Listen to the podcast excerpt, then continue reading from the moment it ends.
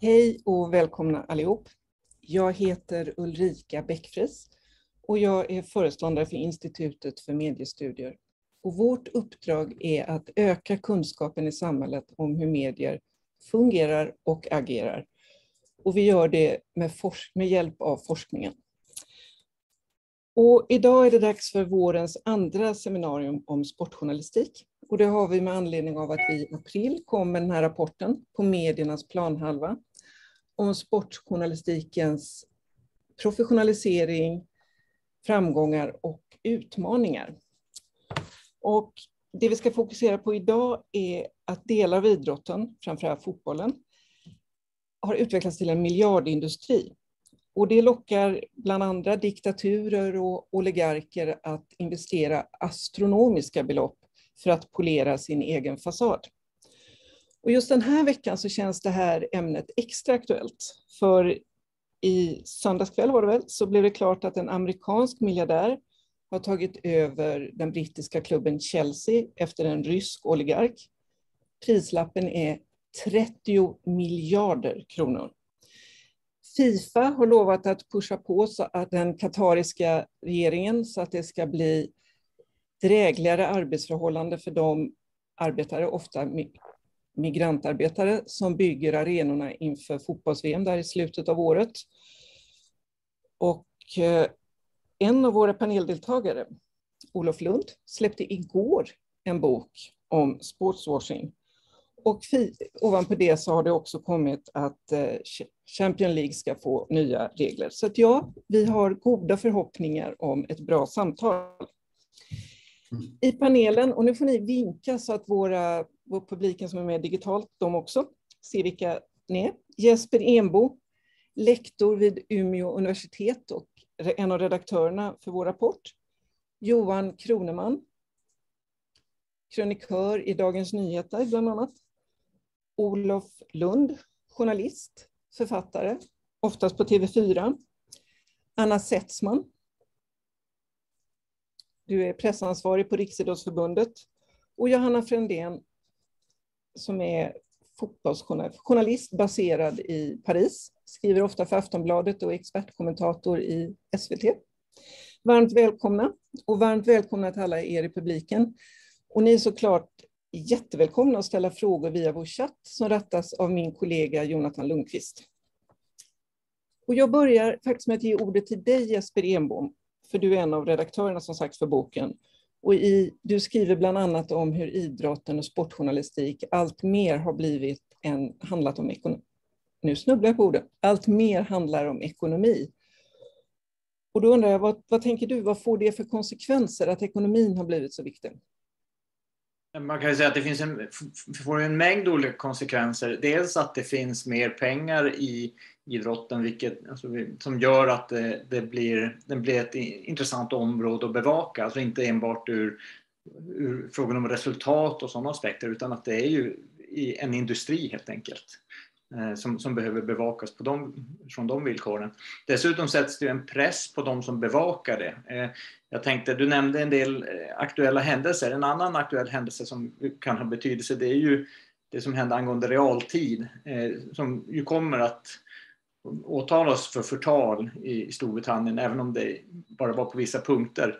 Men, men det är ju den här, om, om vi ser en sån sak, den, den brittiska förtalslagstiftningen är ju avgörande kring de här frågorna om sportswashing som, som Johanna Frändén berör här i, i antologin. Alltså just att, att, det, att journalister tvingas gå på tå för att inte då åka på en, en förtalsanmälan i, i brittisk domstol.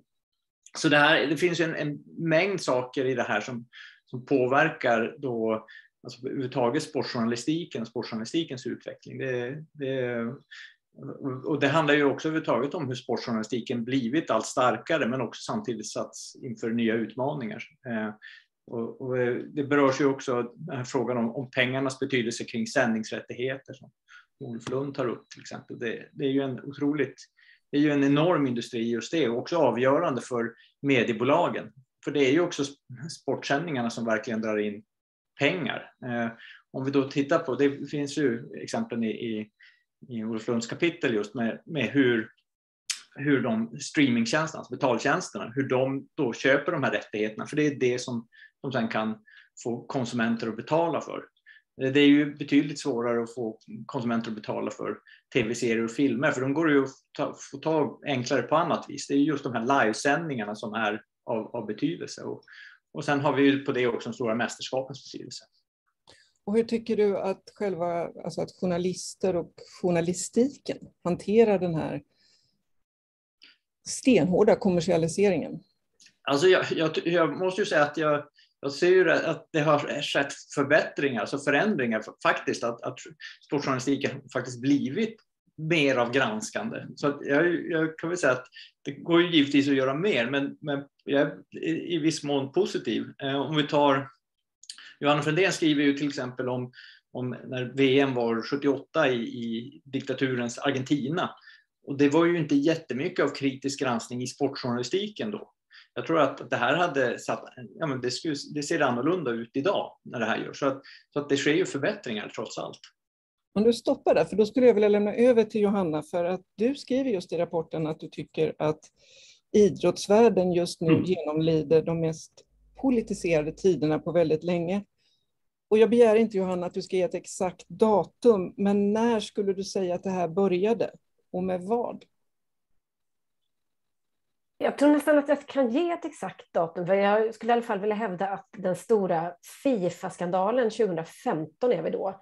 Eh, utan att jag kan datumet i och för sig, så att du, nej, du får väl inget då. Men eh, där någonstans så, så hände någonting eh, i alla fall. Jag tror att det blev en, om inte en vändpunkt, så i alla fall en, en eh, liksom, hållpunkt i utvecklingen där, eh, ja, för de som inte känner till då, det, det slogs fast, eh, eller helt enkelt en, ett, eh, polit, eller ett polissamarbete mellan schweiziska myndigheter och FBI i USA, gjorde en eh, räd och grep ett stort antal då Fifa-höjdare, alltså makthavare inom den internationella, fotbolls, internationella fotbollsförbundet. Och det var välkänt och hade varit många år att det fanns korruption och att det fattades dåliga beslut och att det var ja, en väldigt liksom, eh, vad ska man säga, stängd och omodern eh, grupp eller beslutsorgan och så. Men här hände ju någonting eh, som jag tror fick faktiskt allmänheten ganska intresserad. Man började känna att vem styr våran fotboll? Vänta nu, varför, ja, vilken rätt har, har den här typen av enskilda individer att sko sig till exempel på allmänhetens intressen. För det här är ju det, är det det handlar om. Alltså, eh, fotbollen har ju just den egenskapen att den, den, det är en kommersiell produkt på många sätt, men det är också en emotionell, det man säljer är liksom emotionella värden och eh, livslånga supporterskap och så vidare.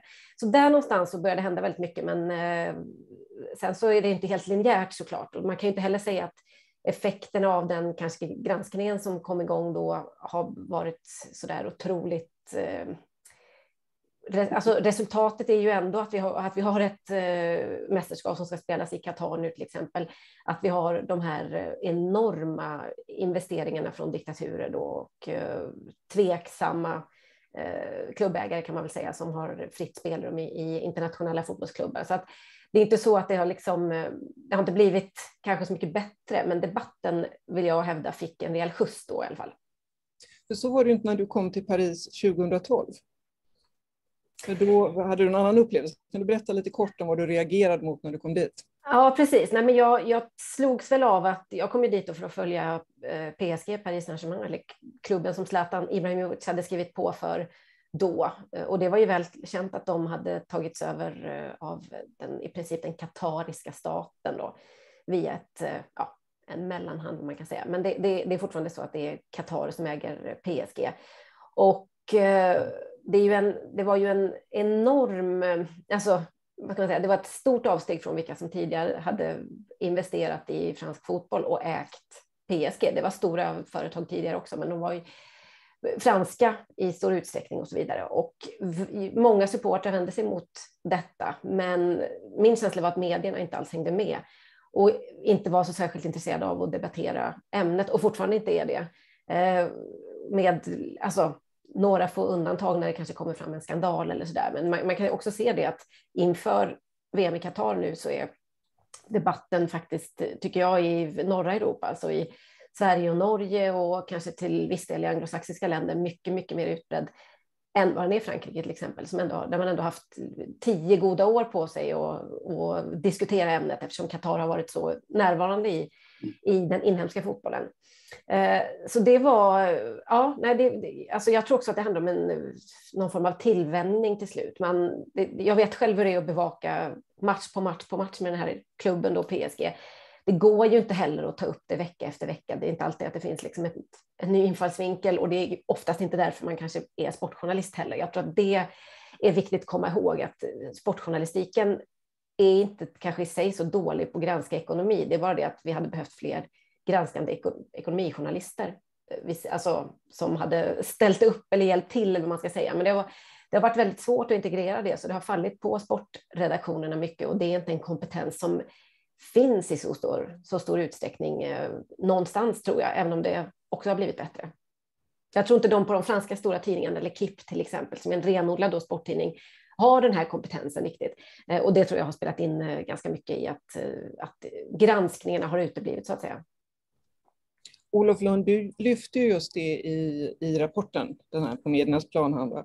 Så är du inne på samma spår och du är också ganska bekymrad och jag tror du formulerar, jag ska inte citera det ordagrant, men att vi är på väg i, du är ganska oroad för hotet mot den traditionella journalistrollen. Eh, varför då, skulle du säga? Eh, först får jag bara säga att eh, rätta dig lite kring boken. Eh, jag det, nyheten kom ut att jag släpper en bok i höst om, om VM i Qatar mm. som utgångspunkt och sportforskning, men den kommer först i höst, så att den kom inte igår. Den kom inte med pressmeddelandet var formulerat så att jag trodde den kom igår, måste jag säga. Ja, ja, eh, men jag läser den i höst istället. Ja. Eh, nej, men det är ju klart att, eh, och det handlar inte bara om sportjournalistiken och de krafterna, det handlar ju om att Eh, Eh, medierna. Det är väl alla som gissar är intresserade av denna debatten känner väl till att eh, vi är färre journalister som ska göra mer. Vi är pressade av techföretag och på alla möjliga sätt som gör att det är svårt för journalister. Det vill säga vi är färre som ska göra det här jobbet. Eh, och det är klart att man då kan vara orolig eftersom det finns intressenter som på alla möjliga sätt påverkar, direkt eller indirekt. Allt från spelbolag som eh, eh, köper in sig i poddar eller liknande och, och, där man ju på något sätt blir någon slags megafon för dem och kanske inte för sporten. Klubbar, förbund eh, skapar sitt eget innehåll.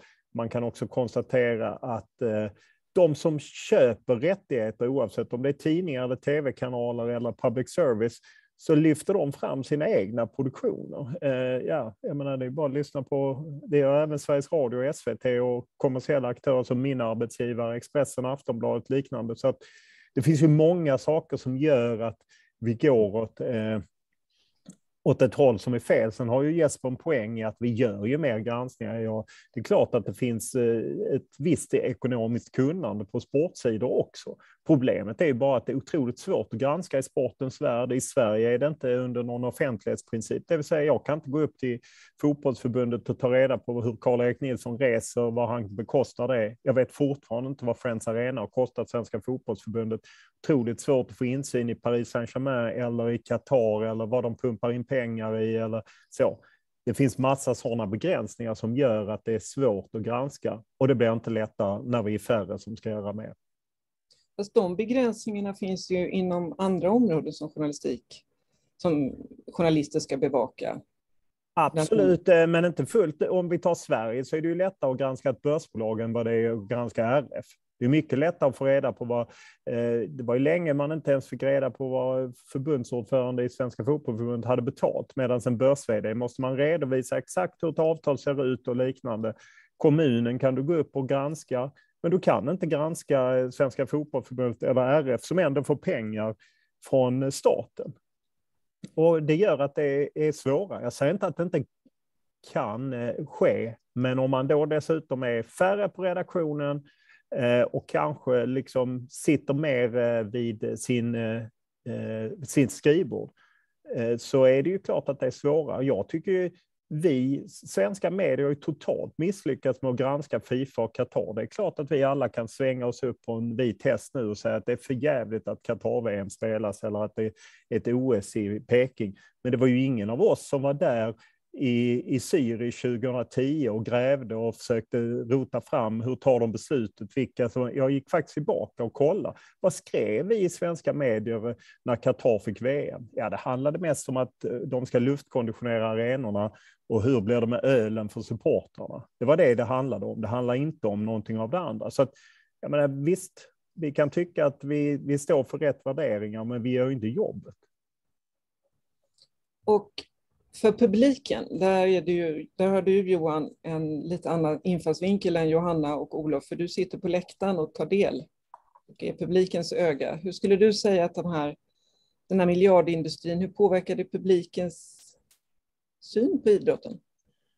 Ja, det beror lite på där vad man vet och vad man tror och vad man hoppas på något sätt. Eh, jag tror ju att eh, jag, har varit, jag sitter ju vid sidan av, och, eh, men jag är också supporter och sysslat med de här frågorna ganska många år.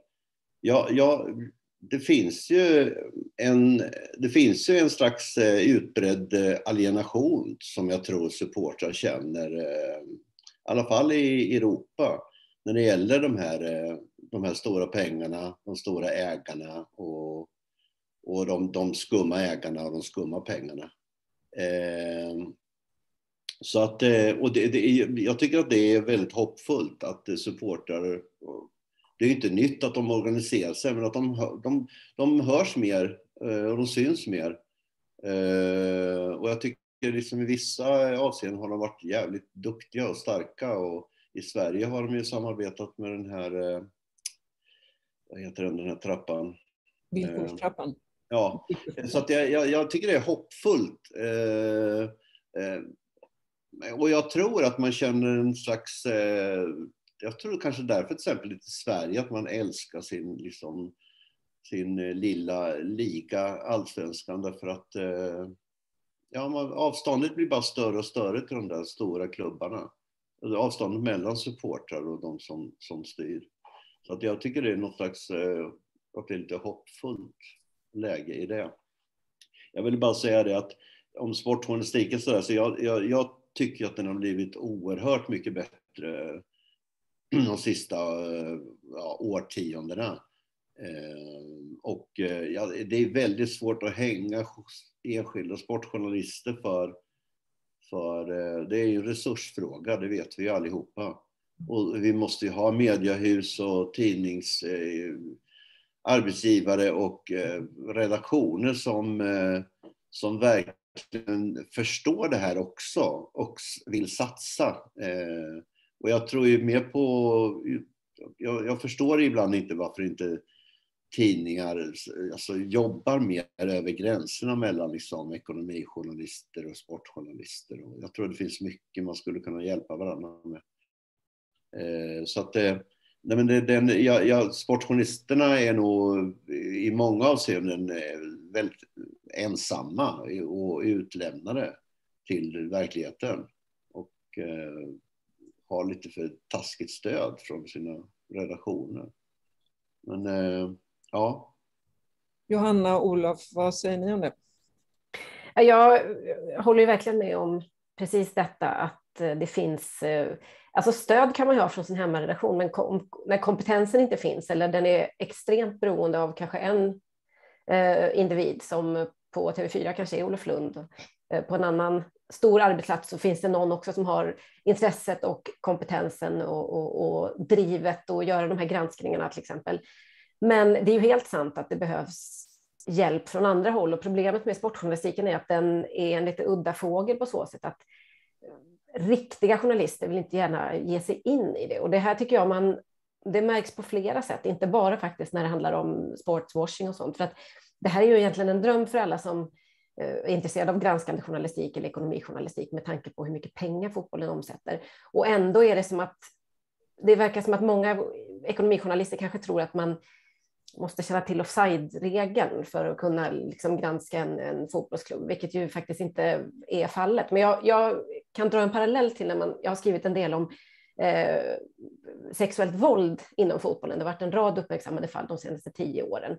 Eh, och det är lustigt nog samma sak där. De som normalt sett är väldigt engagerade i den debatten, alltså det vill säga eh, feminister eller ja, överhuvudtaget jämställdhetsivrare, är väldigt ointresserade av eh, om det är Cristiano Ronaldo som är misstänkt för, för att ha våldtagit en kvinna då, som var fallet för ett tag sedan. Det, det är lite samma sak där. Det finns någon form av beröringsskräck och man tror att man förstår inte alla komponenter och så vidare. Och, så.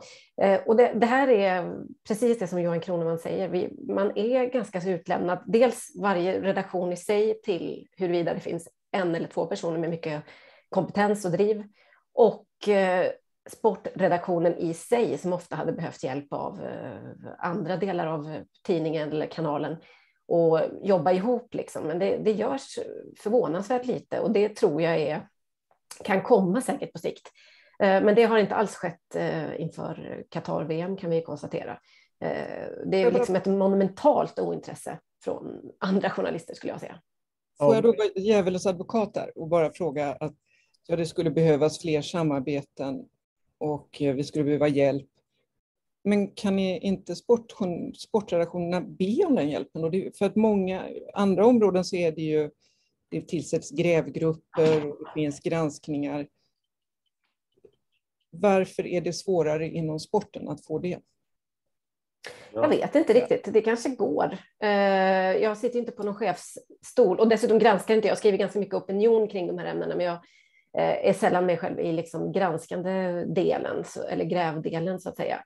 Eh, så det kanske är bara en dålig kommunikation där, det vet jag inte riktigt. Det kanske någon, kanske Olof som är, sitter på alla stolar samtidigt har bättre koll på.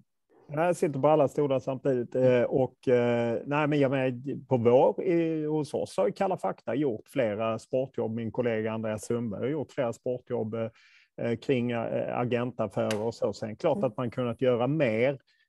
Men det, det handlar om tid och resurser. Vi, vi krymper resurserna för journalistik. Och det man också vill peta in om, jag är inte lika hoppfull som Johan Kroneman, därför att Eh, vi har gjort granskningar om till exempel alla 20, över 20 svenska toppdomare som inte har betalt eh, eh, skatt på sina internationella domaruppdrag. Det är inte läsarna jätteintresserade av, inte andra medier. Vi, gjorde, vi och SVT granskade SVFF där en hög chef för ett omsusat välgörenhetsprojekt, alla är olika, olika är bra, bedrog det systemet, betalade ut pengar till en fiktiv klubb och, och liknande det är inte läsarna intresserade av. Alltså, det är ju det som är problemet, att vi måste ju ordna en affär som kan betala dels lön till oss, kanske resor och liknande. Och att gräva då i, i den här, ja det är kostsamt, det vet ju alla. Eh, och det är inte säkert det ger någonting, kan ta flera månader. Oavsett om man samarbetar eller inte, så är det, det är lite osäkert helt enkelt. Jesper, du försöker komma in. Ja, nej, jag tänkte bara anknyta till, till det, det de har varit inne på, Olof och Johanna. Det, det finns ju ytterligare en aspekt här, det är ju att granskning vad gäller sportjournalistik kan ju ofta slå mot det som människor tycker om, till exempel mot den lokala sportföreningen. Vi hade det här i, i Östersund. Det finns ju fler exempel på, på det, när, när, när, det, alltså när granskning då slår mot organisationer som, som läsarna egentligen då uppskattar. Och, och då är det ju kanske inte entusiasmen alltid så stor Eh, kring det. Alltså att, eh, medan då granskning av en högt uppsatt politiker ofta kanske möts av, av, av jag menar, mera hurrarop ehm, eh, då bland läsare. Så det är ju en del av det. Sen tänkte jag väl också säga att, att även om sportjournalisterna också har eh, blivit färre, eller, eller åtminstone det har varit en viss press där, så, så finns det ju det finns ju andra områden som har drabbats hårdare. Jag har själv tittat på arbetsmarknadsjournalistik. Den har ju i princip utraderats. Eh, jag intervjuade i princip de sista arbetsmarknadsjournalisterna innan även de försvann. Eh, så att det är ju, sportjournalistiken är ju, har ju relativt sett klarat sig en del, men det är klart att det, det finns att, att det här att det press där, även där på, på att göra mer på, på kortare tid. Men sen har vi, jag hoppas ju verkligen att, att det kan bli ett större samarbete med, med andra delar av redaktionen och så. För som, eftersom nu som det ser ut så är ju sportjournalistiken så mycket mer. Och att traditionellt tror jag det kan ha varit en, en, har det funnits en motvilja kanske för att det har betraktats lite grann som en, som, lite som en lekstuga.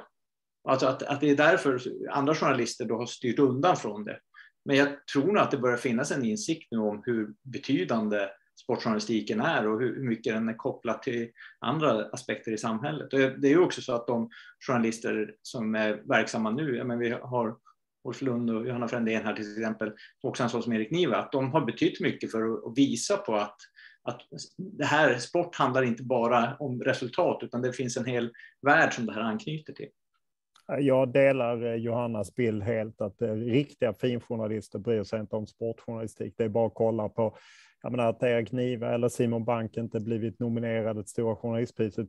Niva har blivit en gång är ju rätt konstigt. Hade de skrivit om något lite finare ämne om integration eller något sånt, fast på andra sidor än sportsidor, för det är ju det Erik skriver om, så hade de garanterat varit nominerade. Så att jag, jag delar helt Johannas bild att finjournalister tar inte tag i sportjournalistik.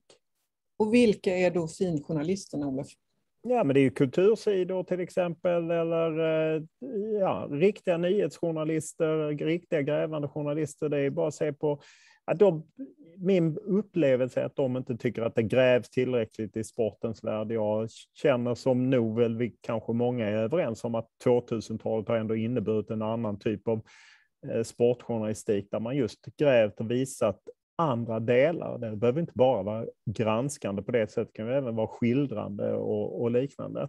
Att, sportjournalistiken tagit kliv, men att man inte riktigt ser det i, i andra delar av journalistiken.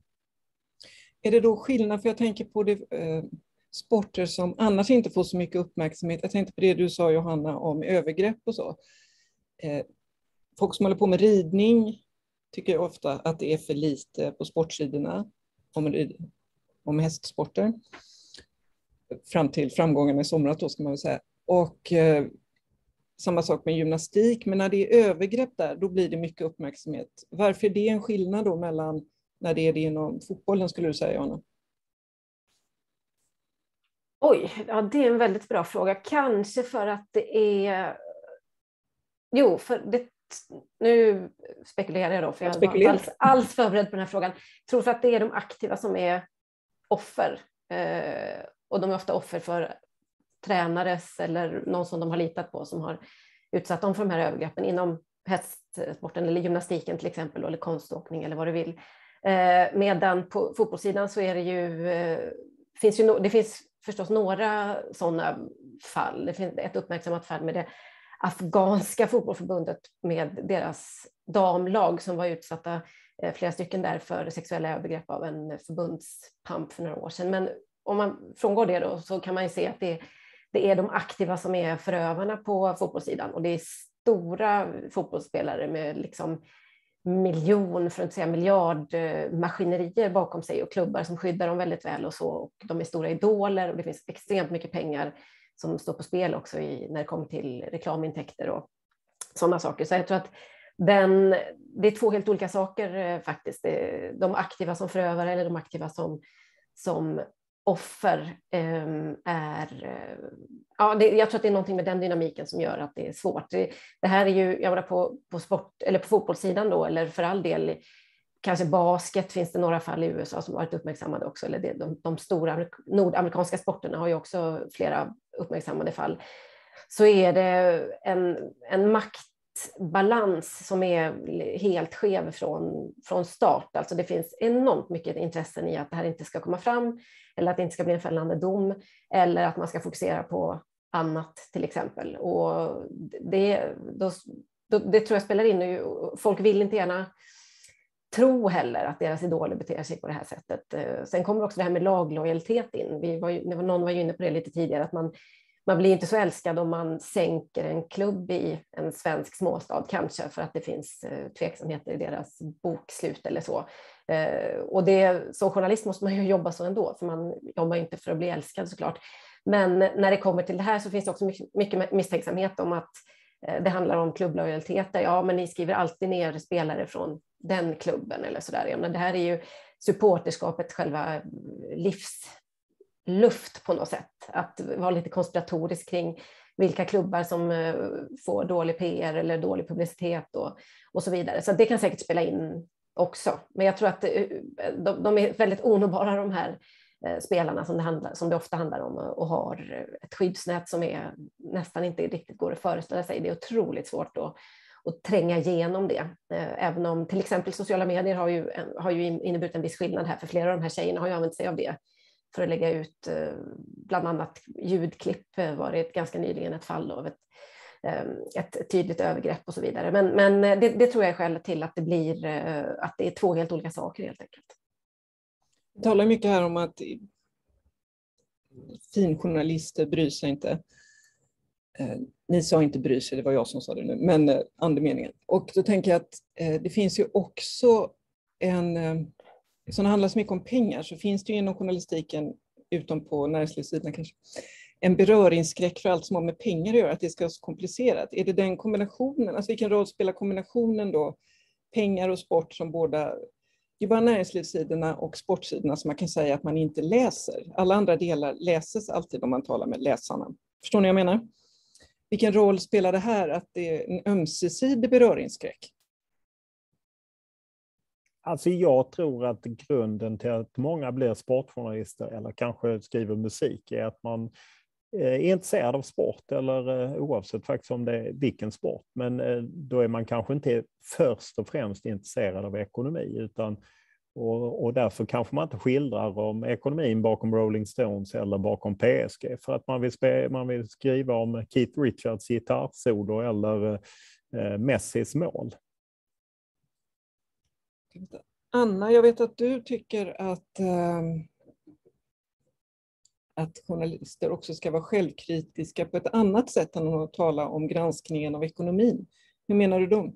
Nej, men jag tänker att, de, att eh, ni redan har lyft det, som att det är samma utmaning på något sätt. Alltså jag tänker att dels så, så tycker jag att utifrån min roll, när man följer journalistiken på ett annat sätt eh, och också få vara eh, behjälplig så ofta vi kan ändå med att faktiskt ta fram de underlagen som man eftersöker eh, från journalistiskt håll och fakta och hjälp eh, så tänker jag att det intresset har ändå ökat. Jag tycker att jag märker en stor skillnad i ett ökat intresse av bakomliggande fakta, ekonomi, siffror, idrottens värderingar på olika sätt. Det en stor skillnad tycker jag de senaste fem, ja, åtta åren än vad jag tycker att jag har märkt tidigare, eh, vilket är bra.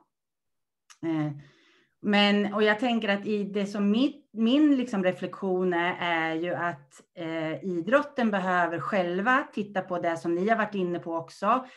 Eh, för trovärdighetens skull, olika samarbeten, sponsring, alla de här delarna som ni säger med ägande av olika slag.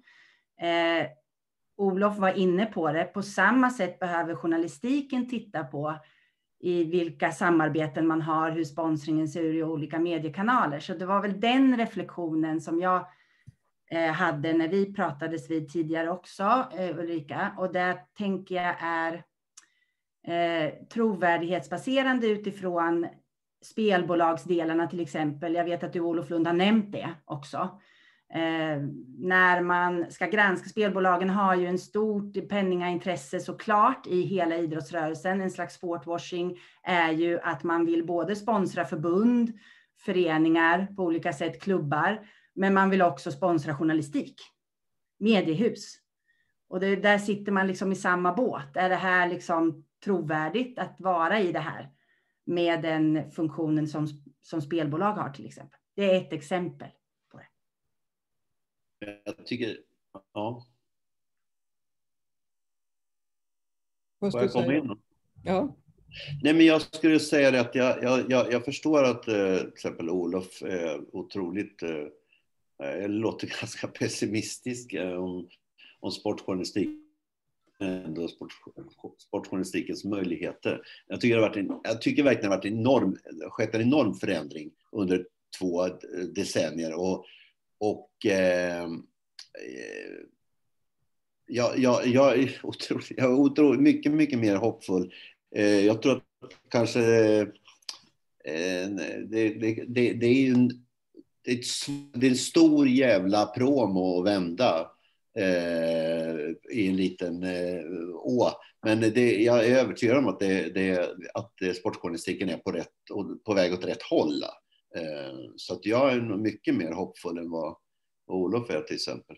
Eh, men sen är det ju som så att de här ehm, det kräver ju ändå större resurser eftersom klubbar och bolag och spelbolag, alla är ju, håller ju på och, och gömmer undan information. Det är ju, man bygger ju ännu högre murar hela tiden.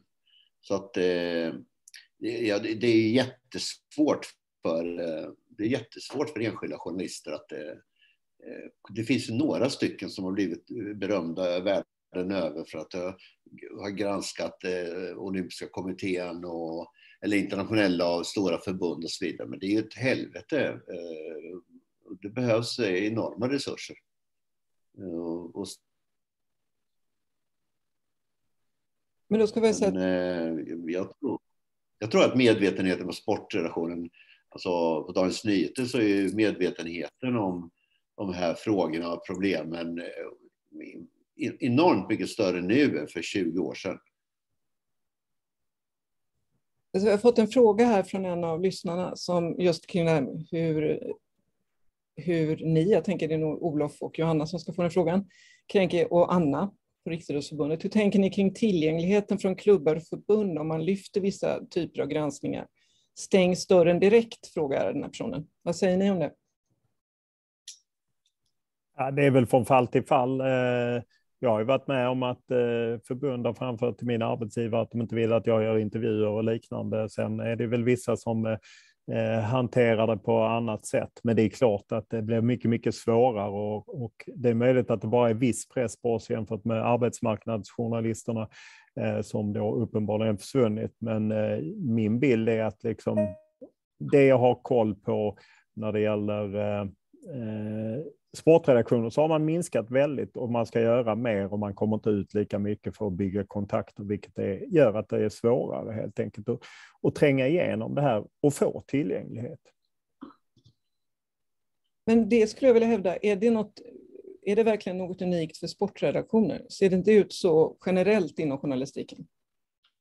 Ja, det är väl unikt på det sättet att, eh, eh att man, eh, ja, om man tar till exempel, eh, man ska ju röra sig i de miljöerna på ett annat sätt. Eh, bevakar man Socialdemokraterna är man kanske inte på träningsläger och tre matcher veckan efter eller samma med Svenska Akademin. Eh, Matilda Gustafsson behövde liksom inte åka ner och gå på en presskonferens med Horace och de andra och sen stå och bevaka dem veckan efter hon hade släppt sin bok om klubben. Så att det är ju, bevakar man ett landslag eller ett förbund eller till exempel Östersunds fotbollsklubb så ska man kanske gå ner dit då som Östersundspostens enda utsände. Så det är rätt tufft eh, och ja, det tror jag kanske är lite unikt för sportjournalistiken för du ska samtidigt leverera den här intervjun med stjärnan, för det vill du ju ha också när stjärnan har gjort tre mål, så vill du ju ha det i Östersundsposten. Då vill man inte ha en granskning. Eh, så det är ju det, det är lite på något sätt det är himmel eller helvete. Antingen ska vi vara där och hylla hjältarna eller så ska vi liksom såga dem och så ska vi samtidigt granska dem. Och riktigt så är det inte när man jobbar på näringslivssidor eller politiska sidor eller liknande. Ja, men jag vill bara att du skulle förtydliga det där, för det är vi alltså andra journalister behöver kanske inte gå in i omklädningsrummet om man tar en enkel metafor på samma sätt där. Men, men det polit, finns... Polit, jag menar politiska eller ekonomiska journalister, de har ju exakt samma problem. Men de, de, de står ju otroligt nära de som de ska bevaka och hamnar i liknande situationer. Eh, och, och, alltså, jag tror att den faran är lika stor för alla journalister. Jag tror inte att det är särskilt, eh, att sportjournalister är särskilt drabbade där. Jag talar mer om tillgänglighet. Jag tror däremot att det, Utifrån att de kan ja. stänga ute en okay. lite. Det är lättare, jag tror att det är lättare för AIK att stänga ut en journalist än vad det är för Socialdemokratiska partiet. Det går ju säkert, jag menar, partier kan ju skita i det, men jag tror att det är kanske lite lättare att hävda att man ska få en tillgång till eh, en bolagsstämma än att du kommer till en träning eller något så. Jag kan ha fel, men eh, det är min känsla. Men händer det ofta att eh jag tycker det, det, det, brukar väl bli ett jäkla liv numera om det skulle vara som så att om, om de vägrar säga att du inte får komma in eller eh, att du inte får intervjua den och den. Det brukar ju ofta bli ett satans liv numera. Ja, det är inte min bild, men eh, ja, jag tycker ofta inte det händer så jättemycket om, eh, om man... Därför att på något sätt upplever jag att det är sån tävlan mellan sportredaktioner och, och, liknande, att man ju aldrig jobbar ihop på samma sätt. Det blir ju, inte, det blir ju drev på ett annat sätt i, eh, och det är kanske bra att det inte blir drev, men det blir ju sällan att man hakar på någon annan story eh, som man hade gjort kanske om det var en politiker som inte, om det hade varit 20 EU-parlamentariker som inte hade betalt skatt på sina ersättningar, då tror jag alla medier hade hakat på. När 20 toppdomare i Sverige gjorde så hakade inga andra medier på. Nej, men det har du säkert helt rätt i. Jesper, vad ville du säga? Nej, jag bara tänkte eh, understryka det här Olof Lund nämnde med, med problemet när när, när menar, idrottslag eller stjärnor drar sig undan och vägrar göra intervjuer. Ett, ett sånt klassiskt exempel var ju eh, Alex Ferguson när han var manager i, i, Manchester United. Efter att BBC hade gjort ett deras panorama, alltså deras uppdrag granskning, så att säga. De hade gjort ett granskande reportage där han inte, det var hans son framför allt som inte kom i så god dagar efter det så vägrade han ju att prata med BBC och sen eh, eskalerade det så att det var allt fler redaktioner som han vägrade.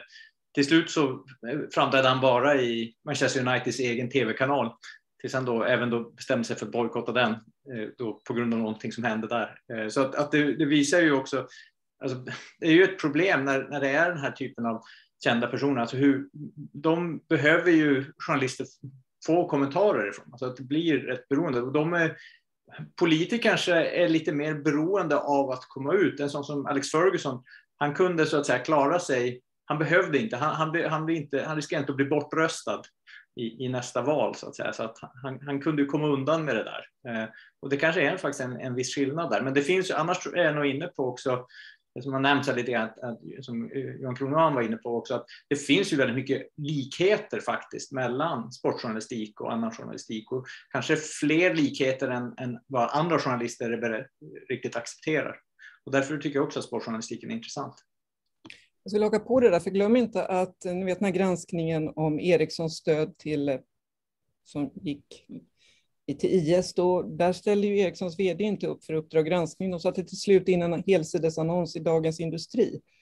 Så det finns ju andra områden inom journalistiken som har svårt att få tillgång till makthavarna. Och där tänker jag, Anna, du sitter ju ändå på Riksidrottsförbundet som pressansvarig. Eh, hur arbetar ni både i Sverige och internationellt för ett ledarskap som inte tillåter den här sortens av maktfullkomlighet? Alltså det är jättesvårt tänker jag, för att det är, alltså idrotten har ju också en historia som följer med i speciellt eh, kanske internationella sammanhang.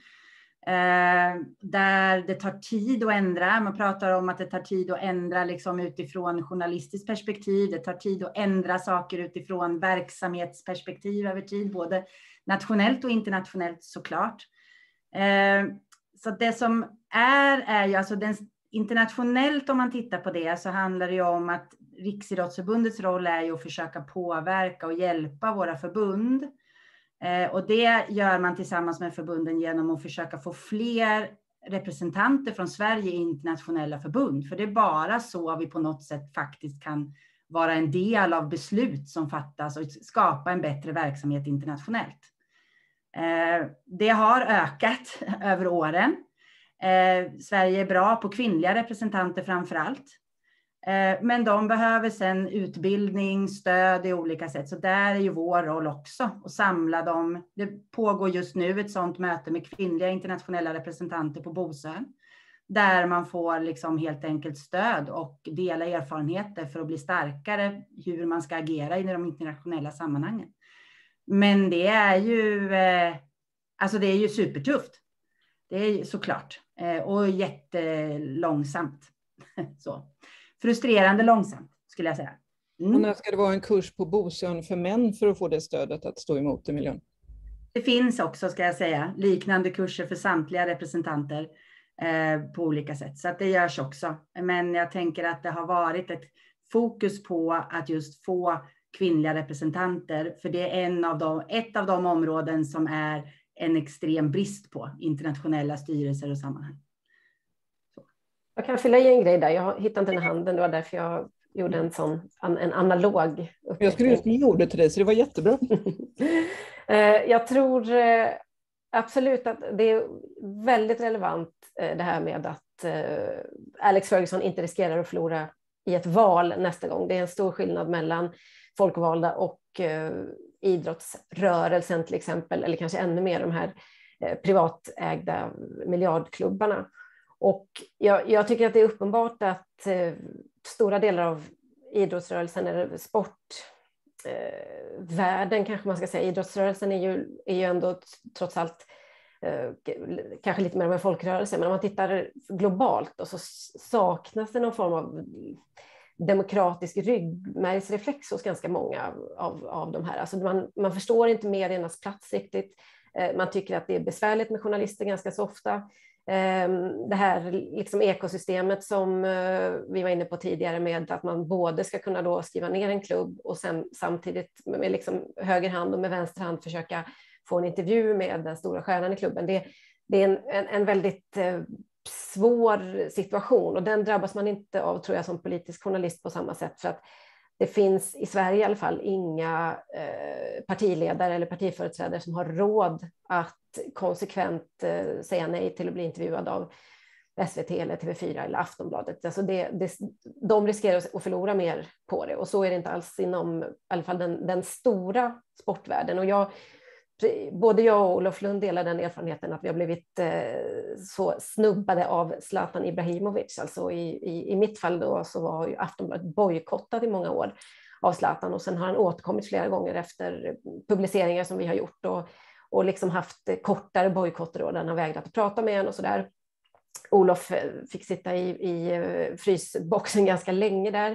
Eh, det finns en acceptans hos både klubbar och faktiskt eh, emellanåt också Svenska Fotbollförbundet för den här typen av beteenden hos stora idrottsstjärnor.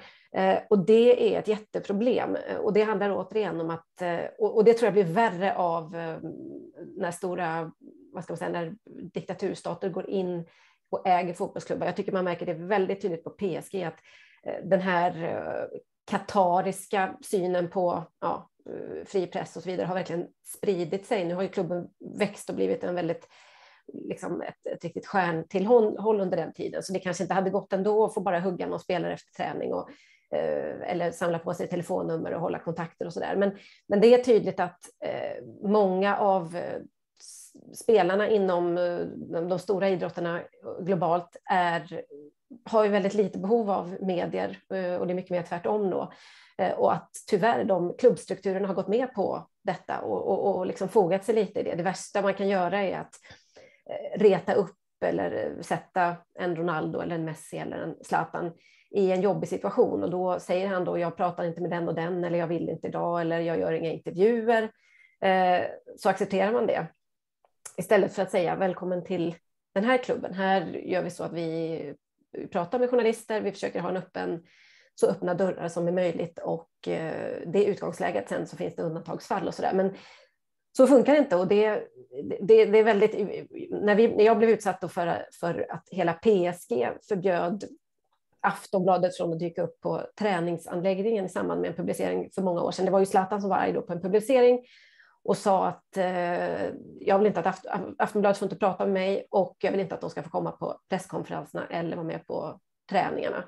Eh, vilket eh, PSG då lite yrvaket gick med på, eh, vilket ju är ett ganska stort ingrepp om, på en tidnings eh, eller en medias arbetsförhållanden, hade varit en svensk kontext i alla fall. Eh, men där står man ju, det finns absolut ingenting man kan göra som en i sammanhanget och ganska liten utländsk eh, medieaktör mot en så stor, eh, en så stor eh, lirare som PSG är i det här fallet. Eh, och det är ju ganska ovanligt såklart, men, men man ser ju mer och mer av det här att enskilda journalister kan bli straffade för granskningar eller publicering eller vad man, man, alltså den typen av, det som ingår i jobbet på något sätt.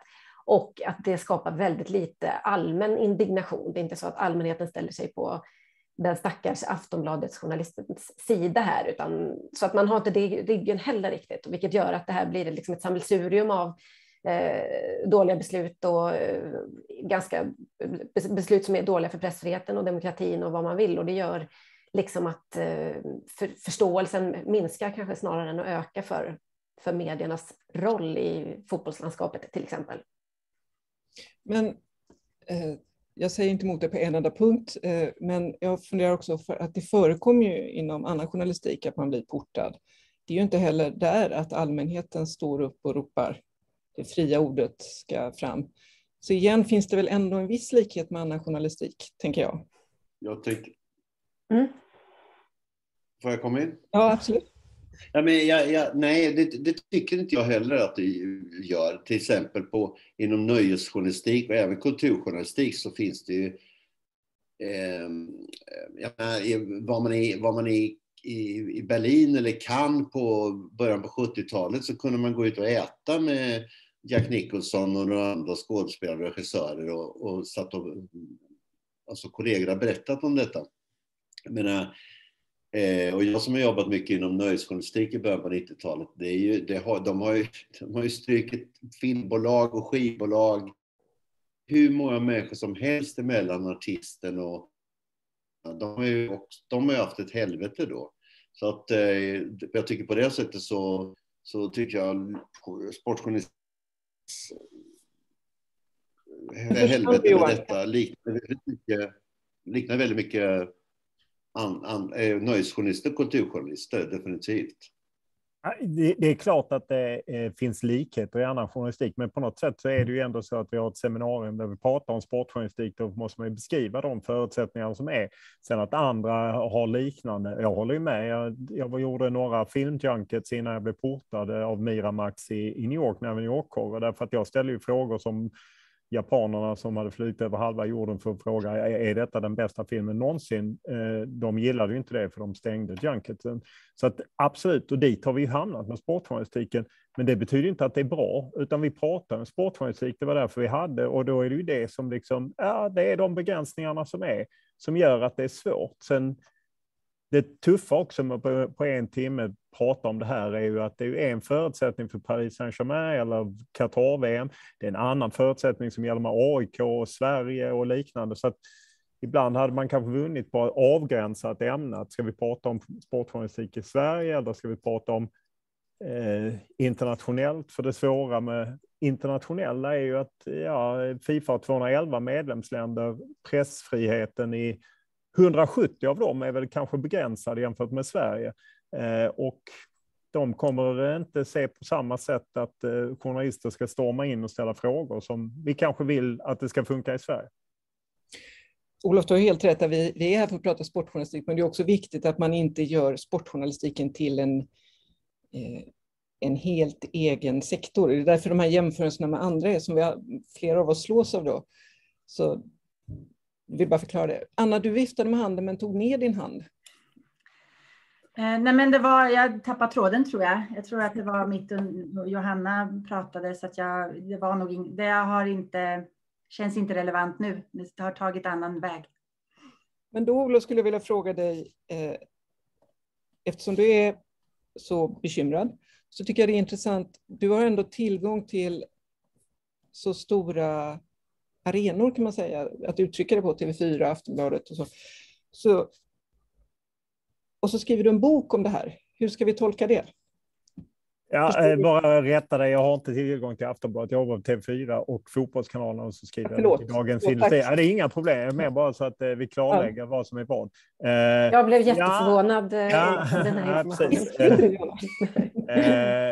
Nej, men, eh, ja, men det är ju min fjärde bok. Ja, men jag vill ju skildra det här på olika sätt. Eh, varför jag är bekymrad är ju därför att jag ser ju att vi är färre som gör mer och jag kan vara bekymrad över, om jag jämför när jag kom fram i slutet på 90-talet, jobbade på Göteborgs-Posten och Expressen började på 2000-talet, då fick jag tid på mig att bygga upp nätverk, för det var inte samma produktionstryck. Jag lärde känna folk och, och liknande. Om du idag sitter som webbredaktör så är det väldigt svårt eller webbjournalist, mestadels skriver, det är svårt att bygga upp samma nätverk och, och, och, kontakter och liknande som gör att du faktiskt kan granska i en värld som är rätt stängd och där du måste få fram uppgifter på annat sätt. Eh, eh, så att det, det är ju det som gör mig orolig och att eh, de flesta är beredda att betala för att kanske se matcher och se, uppleva glädjen. Men de är inte så intresserade av att eh, någon går in och vänder upp och ner på deras favoritklubb. Eh, det gillar man inte helt enkelt. Det gillar varken klubben, det gillar inte supportrarna. Eh, eller om det är en spelare, det har ju blivit vanligare att man följer spelare. Att, precis som Johanna var inne på så ett tag var det ju nästan i, i realtid när man var på en presskonferens med Zlatan. Ställde man fel frågor så small det till på Twitter eller i mailboxen att man var rasist och att man var dum i huvudet och man hatar honom och liknande. Bara för att man ställde en rätt vanlig fråga. Det gör att det är många saker som gör att jag blir bekymrad, ja. Mm. Eh, innan vi börjar avrunda här ska vi bara säga, för Isak Olsson har ställt en fråga som jag eh, ska vi säga, sportjournalistikens beroendeställning till idrottsklubbar blir extra stark inom lokaljournalistiken. Och det var det som du Jesper var inne på. Många lokaltidningar har ett eller flera draglok i sin bevakning. Stöter man sig med dem så kan man inte vända sig någon annanstans till någon annan klubb på samma sätt som i den nationella journalistiken. Känner ni igen den här problematiken? Det nickas, vi går vidare. Mm. Eh, men jag får väl säga, jag, jag, jag, de har ju, de har ju givetvis enorma problem, de lokaljournalisterna, eh, när det gäller sina klubbar. Och, och eh, jag måste säga då att eh, många av de eh, som jag har lite kontakt med, de är ändå jäkligt duktiga journalister. Och de, har, de, är, de är verkligen starka och ofta lyckas de stå emot påtryckningar. Men det är, de står verkligen i frontlinjen där att skriva, att vara på varenda träning och varenda presskonferens och sen skriva något negativt eh, om klubben och ledningen kan ju vara förödande. Och det är jobbigt och svårt för dem. Så att eh, jag tror man, vi negligerar ganska mycket av den där landslags, sportjournalisten på landsorten. Och då har vi, eftersom någon nämnde, jag tror det var du Jesper, Östersunds FK har ju lyft som exempel här idag och då skriver Andreas Olsson att han bara vill flika in att vi på Östersundsposten har upplevt precis det här som Isak nämnde om att det är svårare lokalt. Kvaliteten på sportbevakningen har självklart försämrats under perioder där spelarna bojkottat oss och det har varit en frostig relation. Men vi har inte kunnat agera på något annat sätt än vad vi gjort. Att vi på sportredaktionen jobbat nära grävreporter Linda Hedenjung har varit en nyckel för oss. Så det var ändå hoppingivande. Och då är det dags att börja avrunda. Då skulle jag bara vilja ta en snabb runda hos er allihopa. Med att fråga vad ni ser i kristallkulan för sportjournalistiken eh, den närmsta, ska vi säga, de närmsta två åren. Jag börjar med dig Johanna. Jag är mycket spänd på att se hur bevakningen blir eller fortsätter vara kring Qatar-VM nu när det närmar sig. Nu är det ett halvår kvar och eh, det har ju varit det kanske mest omdebatterade mästerskapet som i min livstid i alla fall. Eh, vad blir slutsatserna? Vad blir, eh, hur, hur blir rapporteringen på, plats och så vidare? Eh, vad, ta, vad kommer man ta med sig därifrån? Och sen så eh, tror jag att vi kommer bli både vassare journalistik men tuffare förhållanden kring det här med jättestora kapitalstarka ägare från lite så ljusskygga regimer som går in i den europeiska fotbollen. Jag menar, nu såg vi till exempel med Rysslands invasion av Ukraina hur snabbt det kan gå, hur idrotten kan bli en stor spelare i detta och hur sanktioner kan drabba väldigt hårt och så. Eh, är det början på någonting, eh, ett, med, en, ett medvetandegörande, eller är det en tillfällighet? Jag är lite spänd på att se om det kommer eh, bli aktuellt i fler konflikter i världen, till exempel att man faktiskt straffar ut idrotten och eh, enskilda klubbar eller landslag och så eh, av eh, politiska skäl. Anna, vad säger du?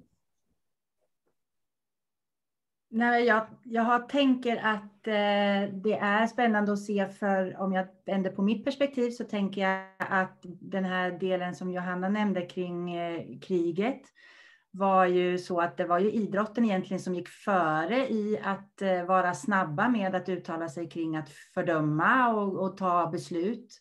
Eh, är det liksom, kommer jag också tycka är intressant att följa och även kring polit, politiken i de delarna. Eh, blir det så att idrotten också krävs på att gå före? Och det ansvaret, var det kommer landa, tänker jag. Så det är väl lite likt Johannas delar eh, som blir intressant att följa på den internationella delen. Johan Kroneman, vad tror du? Vad ser du i kristallkulan? Jävligt konstigt att jag framstår som en otrolig att den otroliga obotliga optimisten.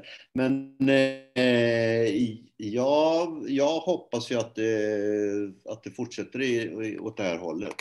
Att, eh, och jag tror att medvetenheten kommer att öka på de andra, bland andra journalister och bland andra, eh, bland eh, andra redaktioner eh, om vikten av, vikten av sportjournalistiken. Jag tror, att, jag tror att statusen är på väg rakt upp, även om inte så många får Stora Journalistpriset, så tror jag att det, det, det, det går långsamt, men det, går, jag tror att det går rätt, åt rätt håll. Och den här supporter, alltså den mer Eh, medvetna support, eh, de mer medvetna supporterna tror jag kommer, de kommer leda också till att, eh, att journalistiken blir, blir bättre. Jag tror att de kommer trycka på det.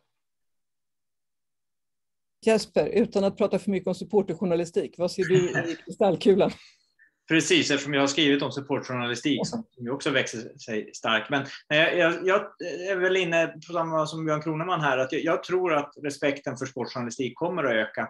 Samt, och, och, men samtidigt så ser jag också att de här utmaningarna som, som Olof Lund till exempel är inne på, att de kommer ju att, att vara kvar och i viss utsträckning förstärkas. För det satsas ju mycket pengar i PR. Jag eh, forskar och undervisar själv om, om strategisk kommunikation, PR. Och jag kan ju se hur mycket som satsas just inom idrotten och på de, inom de, de, stora klubbarna. Eh, vi har ju Newcastle till exempel som är ett aktuellt exempel som kommer bli intressant att följa. Och det här, den här, det här gör det ju delvis svårare. Eh, det, ibland kan ju PR-ansvariga assistera och hjälpa då journalister som ska skriva, men, men ofta handlar det ju också om att, så att säga, sminka grisen som vi talar om i, i den här eh, då, rapporten. Olof, du får sista spaningen.